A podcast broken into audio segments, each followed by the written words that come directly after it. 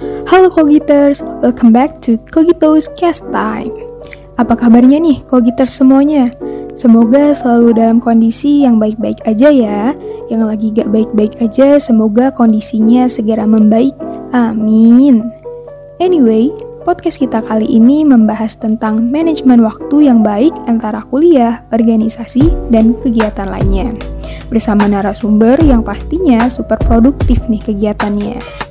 Oke, langsung aja. Here she is, Kak Linda Saptiani Sabianto.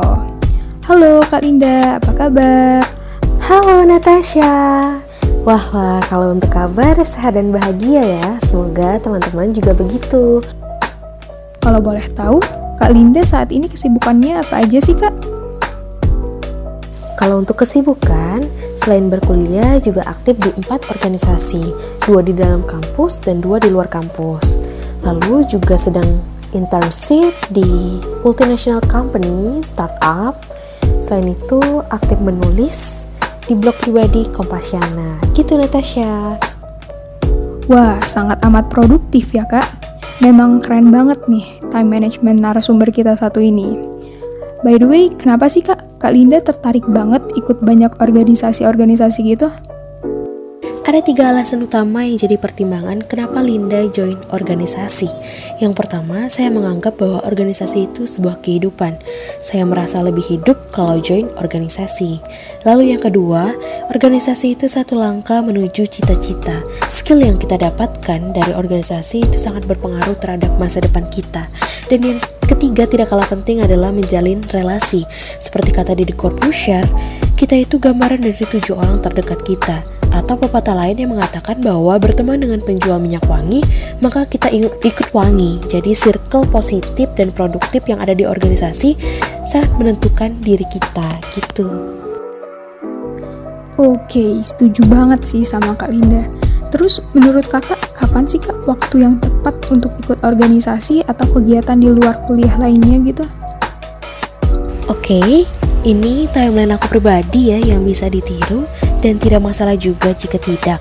Di semester 1 itu kita harus adaptasi perubahan dari masa sekolah ke kuliah sebaik-baiknya, maksimalkan nilai IP semester. Lalu semester 2 udah bisa tuh join organisasi yang benar-benar sesuai sama goals kita. Jangan FOMO, fear of missing out. Ngikut-ngikut teman karena visi misi kita itu beda sama orang lain. Dan yang ketiga, kalau kegiatan di luar kuliah yang membantu kamu mencapai goals kamu dan membuat kamu tumbuh dan berkembang, maka lakukan saja terus.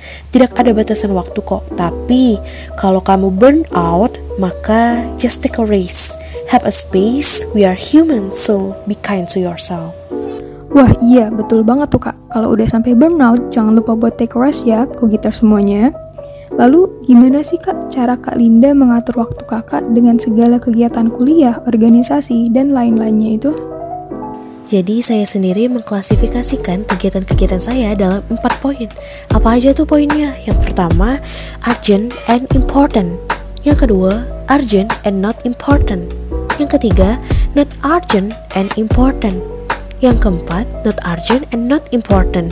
Jadi sesuai urutannya dari yang pertama itu paling penting dan yang terakhir keempat itu bisa kita pilih mau dilakukan atau tidak.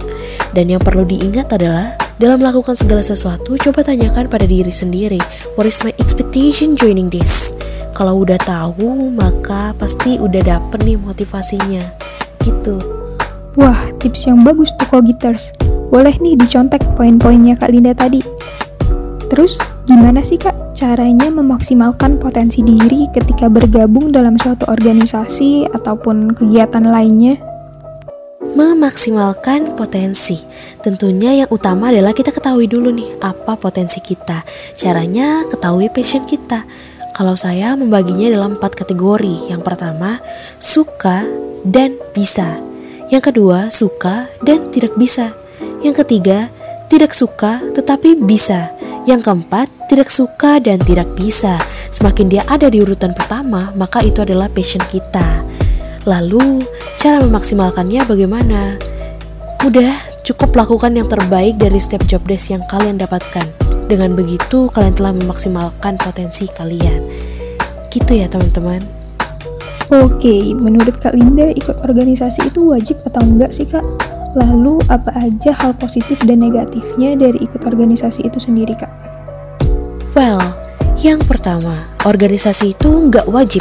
Organisasi itu pilihan ya teman-teman. Dan yang kedua, hal positif yang kita dapatkan itu banyak sekali.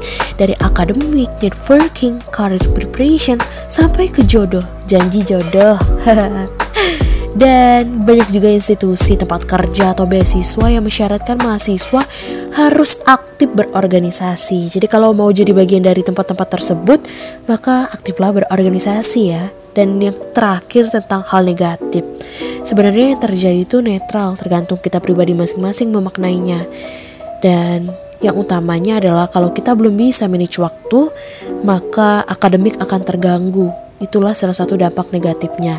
Selain itu, people come and go. Jadi yang tiba-tiba ngerasain deket banget kayak keluarga, maka juga akan ngerasain tiba-tiba pergi ghosting gitu aja. Sedih ya? Waduh, sedih juga ya kak dampak negatifnya. Oh ya, selain aktif berorganisasi, Kak Linda juga aktif ikut internship nih Kogiters. Kalau boleh tahu, ada gak sih kak tips untuk lolos internship di tempat ternama gitu? Wah, berat ya tips lolos internship di tempat ternama.